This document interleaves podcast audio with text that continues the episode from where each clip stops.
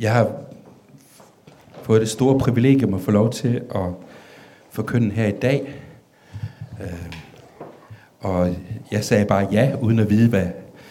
Jeg vidste godt, der skulle være et tema, og så sendte øh, Silas til mig, at jeg skulle tale om gaven fra Gud, Helligånden, en gave fra Gud til os. Og jeg tænkte, der må være nogen, der har sladret til ham, fordi så godt kender han mig slet ikke, at han ved, at Helion, det vil være mit absolut foretrukne tema. Men bagefter så fyldte det mig med total skræk og rejsel, fordi jeg tænkte, jeg har jo mindst 10 prædikner om Helligånden, og skal så presse dem alle sammen ind her på en anden søndag i advent. Og så fik jeg også noget at vide med tid, og så kan man næsten ikke se uret dernede, og nu er den 12 minutter over. Og så har man, hvor mange minutter var det? 45? Nå, ja, det var, det var vriden for mig. Jeg tror, det var 22, så ja. Så skal vi... Uh, derhen skal den store vise. Jeg skal lige vide, hvor den skal stå, når jeg skal stoppe. Ja, fordi det kan løbe fuldstændig af med mig, når jeg skal prædike om Helligånden. Hvorfor kan det det? Fordi han fylder mig, og han begejstrer mig, og han er livet i mig, og kraften, som gør, at jeg formår at stå op hver dag og tænke, yes, det skal lykkes i dag, og vi skal leve en dag mere. Og det er lige uanset hvilken situation jeg har været i i mit liv, og jeg har været i mange forskellige. Jeg har været øh, præst i Dronning Lund en gang i 90'erne, og der bestøgte jeg det lidt her. Der havde vi dejlige menighed op i Dronning Lund, og der er nogle af vennerne derfra, som også er her i dag. John og Alice, hej. Øh, og vi har været i gang med, en, en gang i 95 lavede vi nogle, et helt vildt møde her, kan jeg huske, i salen her, sådan noget grib ilden, noget som, som var en hel dag, og folk blev bedt for at falde under Guds ånds kraft, og en blev øh, bedt for i, tage den dybe indånding, halvanden time. Og da hun så rejste sig fra gulvet, var det et nyt menneske, et menneske sat i frihed og forvandlet af Gud. Og det, som nogle gange vi tager terapeuter over, var sket på 90 minutter i Guds intensive nærvær, hvor Alice og Alexa og en mere, jeg tror Jette, der også kommer her, var med til at bede for, for den her kvinde, så hun blev totalt forvandlet på halvanden time. Og jeg har været i Afrika, hvor jeg har set skøre ting, og Gud har gjort vidunderlige ting. Og jeg har oplevet igen bekræftelse på bekræftelse på, at livet med Guds ånd, med Helligånden, det er bare det fedeste. Det er bare det bedste. Og nogle gange, når jeg sådan begynder sådan her med lovsang, jeg ved ikke, dem, der stod på anden række, kunne nok fornemme det. Ikke? Altså, jeg har lidt øh, stramt med danskere og lovsang. Ikke? Og så er der klister under skosålerne, så står man lige så stille, og måske lige med en hånd op, prise Gud. Jeg skal helst have gang i kroppen, fordi der er simpelthen så meget liv derinde, som gerne vil ud, og som gerne vil vise, at hele mig elsker Jesus, og bare gerne vil prise ham og løfte ham op, og det bobler. Fordi han kan give os det, der bobler ind i vores liv. Og jeg har forventning om, at han vil gøre det for os i dag. Vi skal lige læse det skal man jo, det har jeg lært nogle skriftsteder. Og øh, det første, det er fra Johannes evangeliet, kapitel 14, vers 16. I øh, en meget fin oversættelse, der kommer flyvende ind fra siden her. Åh, oh, undskyld. Silas havde lavet sådan en fin en til mig med den her julebaggrund. Og så gik jeg ned her til morgen og ændrede teksten. Det må du undskylde, Silas. Jeg vil bede faderen om at give jer en anden frelser. Helligånden, sandhedens ånd, som vil være en ven for jer, ligesom mig. Og han vil aldrig forlade jer. Hvis nogen tænker, at det er en ukendt oversættelse, så er det rigtigt. Det er min. Øh, sammenstykket af danske og engelske og alle mulige mærkelige oversættelser. Jeg valgte det her vers, fordi nu skulle jeg jo understrege, at det var noget med gave. Og her står der, at Jesus selv, han siger, jeg vil bede faderen om at give jer en anden. Og så har jeg valgt ordet frelser den her gang. Og der skulle have stået parakletos, hvis man øh, kan aramæisk, men det kan jeg ikke. Jeg kan slå det op i en bog, men jeg skal ikke udgive mig, for jeg kunne det. Og så har jeg set, at der er, jeg tror, seks eller otte forskellige ord, jeg fandt i oversættelser her. Talsmand, vejleder, komforter, counselor, savior. Og så kom jeg frem til, at jeg kunne rigtig godt lide den næste formulering. Helligåndens, sandhedens ånd, som vil være en ven for jer. For det er det, jeg oplever, at Jesus siger til mig og til os i dag, at ligesom han kom og var en ven, der var tæt på de mennesker, han levede sammen med i sin samtid, så siger han til os, jeg vil ikke efterlade jer faderløse, jeg vil ikke lade jer være alene, men jeg sender en til jer, som kommer og skal være hos jer, bo i jer. På samme måde som jeg har været hos jer, så skal han bo i jer og tage bolig i jer. Noget, der er endnu større end at have en til at gå ved siden af sig, det er, når vedkommende bor i en. Og det var nødvendigt, siger Jesus, at han måtte gå bort. For han kunne sende Guds ånd, Helligånden, sandhedens ånd. Ham, der skal sætte os i frihed og give os det vidunderlige liv, som Jesus havde tænkt, at vi skulle leve. Og han vil være endnu tættere på dig og på mig, end hvis vi bare vidste, at han var et eller andet sted her i byen. For hvad skulle den stakkels Jesus gøre, hvis han var her rent fysisk? Skulle han gå i kirke ned i A2 eller op på Hadsundvej? Og han, vi ved jo, at han vil helt klart vælge Hadsundvej. Eller, eller skulle det være den der pinsekirke nede i Sydkorea? Eller er det den forfulgte menighed i Kina? Eller en af dem, I besøgte i Pakistan? Eller en lille hjemmemenighed i Nepal oppe i bjergene? Hvor skulle han være? hos alle de kristne, der vil længes og sende skrivelser ind til ham om, kom og vær her hos os. Men så valgte han at tage hjem til sin far og sige, nu sender jeg Helligånden, som kan være alle steder på én gang. Må ikke bare være i lokale, så vi kan sige, Nå, så er Helligånden placeret her. Når han kommer og ønsker at være her. Jeg har sådan en, en, en lækker lille racecykel. Øh, den er særlig godkendt til øh, vægt over 100 kilo, så jeg må godt køre på den ekstra stærke dæk og hjul, så ikke den hele, det hele brækker sammen, når jeg sætter mig på den. Og så prøvede han en dag hen ved cykelhandleren Børkop Cykler, og så sagde han, øh, Jens Erik, du skal prøve den her. Og så var der sådan en stor, flot, rød elcykel. Hen foran, der, der var stel 10 gange så tyk som stel på min lille grå racer. Ikke? Øh, 27 gear for øvrigt. Øh, og så var der den her batterikasse, og så nede i navet dernede, der sidder der sådan en motor. Og når den, den er, han sagde, den er så fed at køre på, den kan køre 45 km i timen. Du kan låne den gratis en weekend. Så er jeg sikker på, at du køber den, smilede han. Så sagde jeg til ham, heller lad være med at låne den. Hvis jeg nu havde lånt den, og begyndt at cykle på den, så ville jeg have opdaget, at det var godt nok nemt at cykle. Oh, det er ligesom, du ved godt, når man bliver en kristen, så det hele det føles så let. Og oh, jeg gav mit liv til Jesus, og jeg er så glad. Og så lige pludselig, en dag, så opdager jeg, når jeg så kører op ad bakke, så det, det er meget nemt. Det, jeg drejer lige på håndtaget, så er der noget strøm, der hjælper mig op. Og så næste dag, så kommer jeg til den samme bakkegård, sådan nogenlunde. Og den tredje dag, så kommer så er den lige pludselig træls. Og jeg prøver at skal cykle på den. Den er, den er slet ikke lige så god som min gamle track med 27 gear. Hvorfor er den ikke det? Den, den der motor dernede, den er ligesom om den sidder i vejen og giver modstand, og bakkerne bliver doblet. Nu har jeg ikke medvind på cykelstien, nu har jeg modvind på cykelstien. Hvad er der sket? Ja, jeg har glemt det der lille essentielle fif der med, at man skal have batteriet af og have ind i en oplader. Og have noget strøm på. Og man skal have noget strøm på, for at motoren den virker. Og sådan er det nogle gange ved os kristne, så glemmer vi, at der skal faktisk lige lades op og der skal faktisk helst lades op hver dag. Der skal, for, for at den der elcykel skal være noget som helst bevendt, så skal der være strøm på batteriet. Og det er, det er smart med batteri, for det er ikke fikst at køre rundt med en ledning, vel? Altså, til en elcykel. Så, øh, men det et eller andet sted, det har vi jo lidt ligesom en ledning. Eller en forbindelse. Og når vi går, kobler ind på den forbindelse, så tanker vi op og så oplever vi, så er der kraften og energien. Så der er ligesom to måder at vælge at være en kristen på. Det er elcykel uden strøm, eller elcykel med strøm. Elcykel uden strøm. Elcykel med strøm.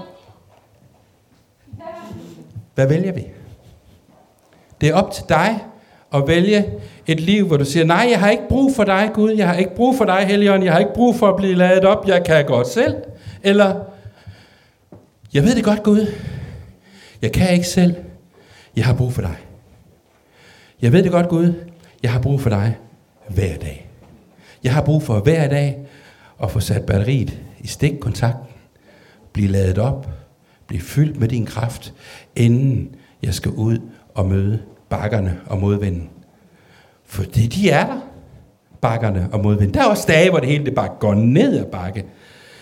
Det er som regel efter, man har kørt op af dem. Min erfaring. De fleste bakker nedad kommer efter, jeg har kørt op af.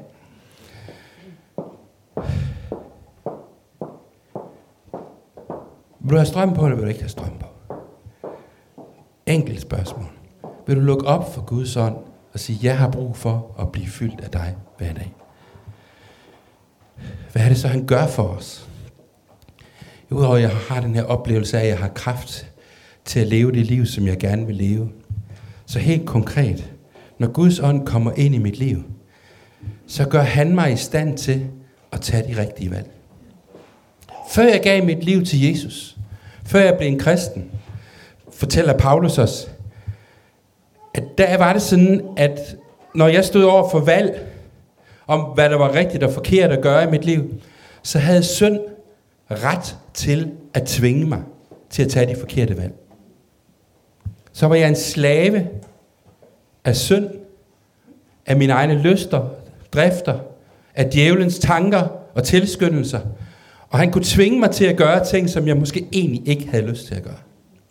Men da jeg gav mit liv til Jesus, der døde jeg bort fra alt det, blev korsfæstet med ham, gik ned i dåben, blev begravet og opstod til et nyt liv. Og i det nye liv kommer Guds ånd og giver mig kraft til at leve. Og nu står jeg og kan vælge. Og jeg vælger stadigvæk nogle gange forkert. Men nu har jeg muligheden, en ægte mulighed, for at udøve fri vilje og tage de rette valg. Fordi nu har jeg mulighed for hver dag sætte ledningen ind i stikkontakten og sige, Helligånd, giv mig din kraft, giv mig din vejledning, giv mig din styrke til at gøre det rette i dag. Nogle gange er det, nogle gange er det enkelt, synes jeg. Andre gange er det møg svært at gøre det rigtigt. Meget svært. Jeg delte det lidt til en øh, ældre café for nylig, men for 15 måneder siden, der blev jeg af bestyrelsen på min arbejdsplads kaldt ind. Jeg var skoleleder og havde været det i 17,5 år. Og så fortalte de mig med et smil, vi har lyst til at få en anden skoleleder, så du stopper i dag. Vil du være sød og aflevere nøglen? Hej.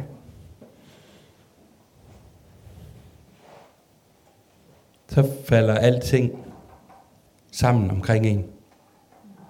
Alt, hvad man troede om sig selv, og alt, hvad der var bygget op. Sådan var det for mig. Så stod jeg bare der. Hvad, hvad så? Jeg troede, det var det, Gud havde. Jeg var overbevist om, jeg vidste, at det var det, Gud havde kaldt mig til at gøre. Kan det virkelig være dig, Gud? Jeg vidste godt, det skulle ske i nogle dage. Det her, det var mandag søndag, havde jeg været i kirke, og vi havde sunget lovsang, og under lovsangen talte Gud til mig og sagde, Jens Erik, bøj dine knæ, velsign bestyrelsen. Jamen Gud, øh, i morgen så slagter de mig. Ja. Jens Erik, velsign bestyrelsen. Og jeg stod der og tænkte, det har jeg godt nok ikke lyst til. Så kom jeg i tanke om, at jeg ugen før havde været nede i første klasse og fortalt Bibels historie. Jeg havde fortalt om, hvordan Jesus han underviste om at vende den anden kind til. Og det betød, at man skulle gøre det modsatte af, hvad folk de gjorde ved en. Så hvis nogen var onde ved en, skulle man være gode ved dem. Og hvis nogen driller dig ude i skolegården, Silas, så skal du være sød ved dem, og så skal du overvinde deres drillerier ved, at du er meget mere sød ved ham, end han er ved dig. Det er fint at stå og sige til første klasse. Og det er nikket. Ja, og så en uge efter, så blev jeg godt nok drillet af dem der fra bestyrelsen, der sagde, nu fyrer vi dig bare lige. jamen, hvad skal jeg så? Og så skal du gøre det, du prædiker.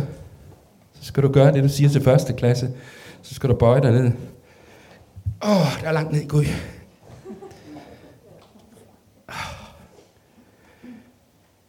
Gud velsign Thomas, der er bestyrelsesformand.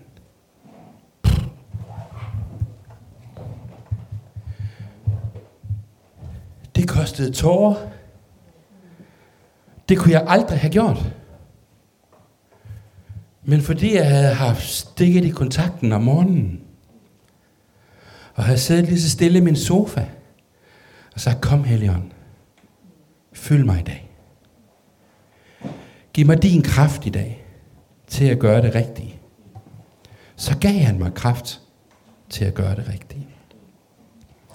Så gav han mig styrke til at tage den beslutning, som var svær for mennesket. Men som var den samme beslutning, som han tog meget stærkere, da han blev konfronteret med hele verdens synd og sagde til sin far, far lad mig dø for dem alle sammen. Lad mig blive korsfæstet. Så derfor er vi skyldige og bede om hans kraft og hans styrke til at følge hans eksempel. Og gå af den vej, som han gerne vil, at vi skal gå. Og det skal ikke være en byrde, og jeg vil ikke, at det her skal være en pisk over nogens hoved, hvor du bliver mindet om alle de gange, hvor du tænker, det kunne jeg godt have gjort bedre. Fordi den liste, den har jeg også, den vil jeg skåne jer for. Nu delte jeg en af sejrene med jer. En af de situationer, hvor jeg virkelig oplevede, at Guds ånds kraft gjorde en forskel i mit liv. Og dem fortæller jeg med glæde, fordi de giver tro til andre, de giver tro til mig selv. Når jeg løfter det op, som Gud har gjort, der var eneste gang, der var en sejr, så har jeg lyst til at fortælle om den. Så Guds ånds kraft sætter os fri til at leve det liv, som vi dybest set alle sammen længes efter at leve. Lev i frihed fra syndens magt. Lev i frihed til at handle ret over for de mennesker, du er sammen med. I frihed til at tale sandt altid.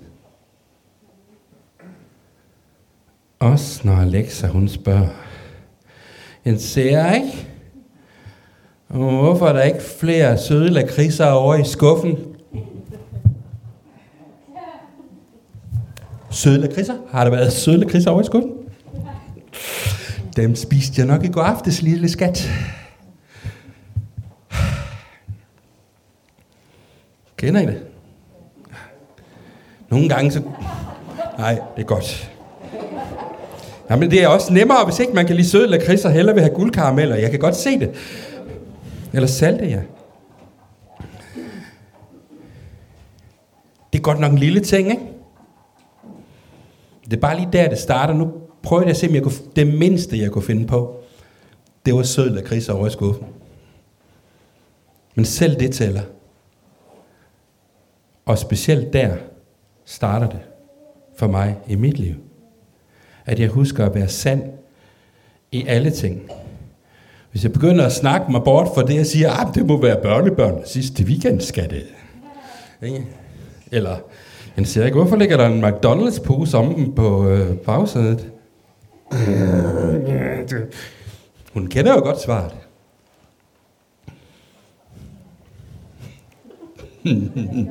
ja, det har også prøvet, var. Og ja, det, ja. Eller en ketchup-klat på ærmen, ikke? Hen for pølsevognen. oh, kan du ikke lide min madskat?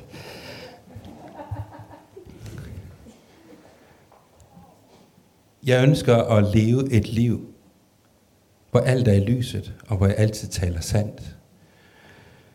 Hvor jeg altid stræber efter at gøre det, som Gud vil, at jeg skal gøre. Og det kan jeg ikke gøre, uden at sige ja til den ånd, som han har ville give mig. Og når jeg siger ja til den, så kommer den, så kommer han og bliver min ven. Han frelser mig fra mig selv, fra min situation. Han udfrier mig og taler til mig kloge og vise ord, når jeg har brug for det, og stiller sig ved siden af mig, når jeg har brug for en til at stå ved siden af. Og bor i mig, og varmer mig, og trøster mig. Han giver mig livet, så jeg får lyst til at række ud og fortælle andre mennesker, at der findes ikke noget, der er bedre. Der findes ikke noget, der er større, end at leve tæt ved ham. Han giver den største gave af alle. Han giver mig frihed. Det står lidt længere nede i kapitel 14. Jeg giver ikke som verden giver. Jeg giver ikke som de andre giver. Jeg giver en frihed. Jeg giver fred, siger Jesus. Jeg giver en fred ind i dit liv. En fred, så du er i fred med dig selv og med Gud, med mennesker. Og så taler Johannes i sit brev, som han skriver lidt øh, senere, øh, det står i hvert fald senere i det nye testamente, i øh, 1. Johannes brev, kapitel 4, der har vi lige et vers fra, som vi kan læse her. Han skriver, men den fuldkommende, den fuldendte kærlighed fordriver frygten, for frygt er forbundet med straf, og den, der nærer frygt, har ikke fuldendt i kærligheden. Ja.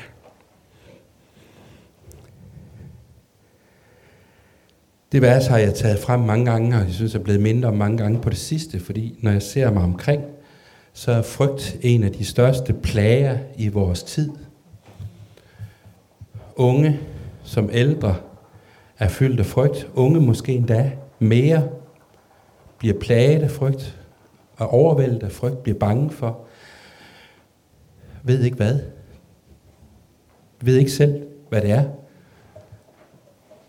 Og Guds ord taler her om, at frygt har noget med straf at gøre, har noget at gøre med, jeg kan sige det på en anden måde, måske det er tanken om, at jeg ikke slår til, jeg gør det ikke godt nok, øh, de andre vil nok ikke kunne lide mig, så straffer de mig ved at, at trække sig fra mig, og så, så vil de ikke have noget med mig at gøre. Øh, hvis de virkelig vidste, hvem jeg var, så vil de nok ikke kunne lide mig. Og da jeg var helt ung, det er godt nok ved at være nogle år siden, øh, der fyldte det helt vildt meget mine tanker. Jeg kan huske, at jeg gik på gymnasiet, der var det, øh, det vigtigste i hele mit liv, det var at være en af de populære. Være en cool guy, som de andre synes var sej. Og være, være med i det rigtige crowd. Og det var jeg ikke altid, fordi jeg var jo også ham der, der gik i kirke og sådan noget. Og så var, var vi forresten to i klassen, der gerne ville være ham, der var mest cool. Og Torben, han var lidt bedre til det end mig. Helt ærligt, det var han. Jeg synes også, han var ret cool. Jeg ville gerne have været bare 5% mere cool end Torben, men jeg prøvede virkelig. Og jeg har brugt så mange kræfter og så meget energi på det. Hele tiden at være på og springe op hvis, på scenen, hvis der var mulighed for det. Gør et eller andet skørt, sjovt, anderledes tiltrække mig opmærksomhed. Det fyldte alt. Det var meget vigtigt end at gå i skole. Og være ham, der blev set og være inde. Indtil en dag, hvor Jesus talte til mig og sagde, det er lige mig. Jeg vil aldrig svigte dig eller forlade dig. Og han kom med sin kærlighed ind i mit liv. Og jeg oplevede, at han talte til mig, at han elskede mig, og han var der. Og han elskede mig, og han var der. Og jeg blev fyldt helt op af hans kærlighed. Jeg blev fyldt helt op af hans nærvær. Og jeg sad helt alene hjemme i min stue i en god stol. Og bare sagde, Helligånd, kom, fyld mig, giv mig af dig selv. Og han forvandlede mig. Så mennesker omkring mig bagefter sagde, hvad er der sket med dig? Og det var ikke til et stort, fint møde, men det var ved, at Guds ånd kom og tog bolig i mig. Og hele den her stræben efter at være den populære og den mest cool forsvandt.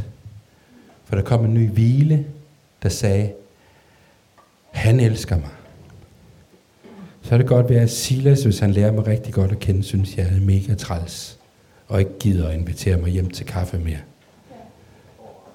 Men det gør ikke noget. For selvom jeg sidder helt alene ude på Nordmands A 45 A på første sal, så sidder jeg aldrig alene. For sammen med mig er han, som elsker mig mest.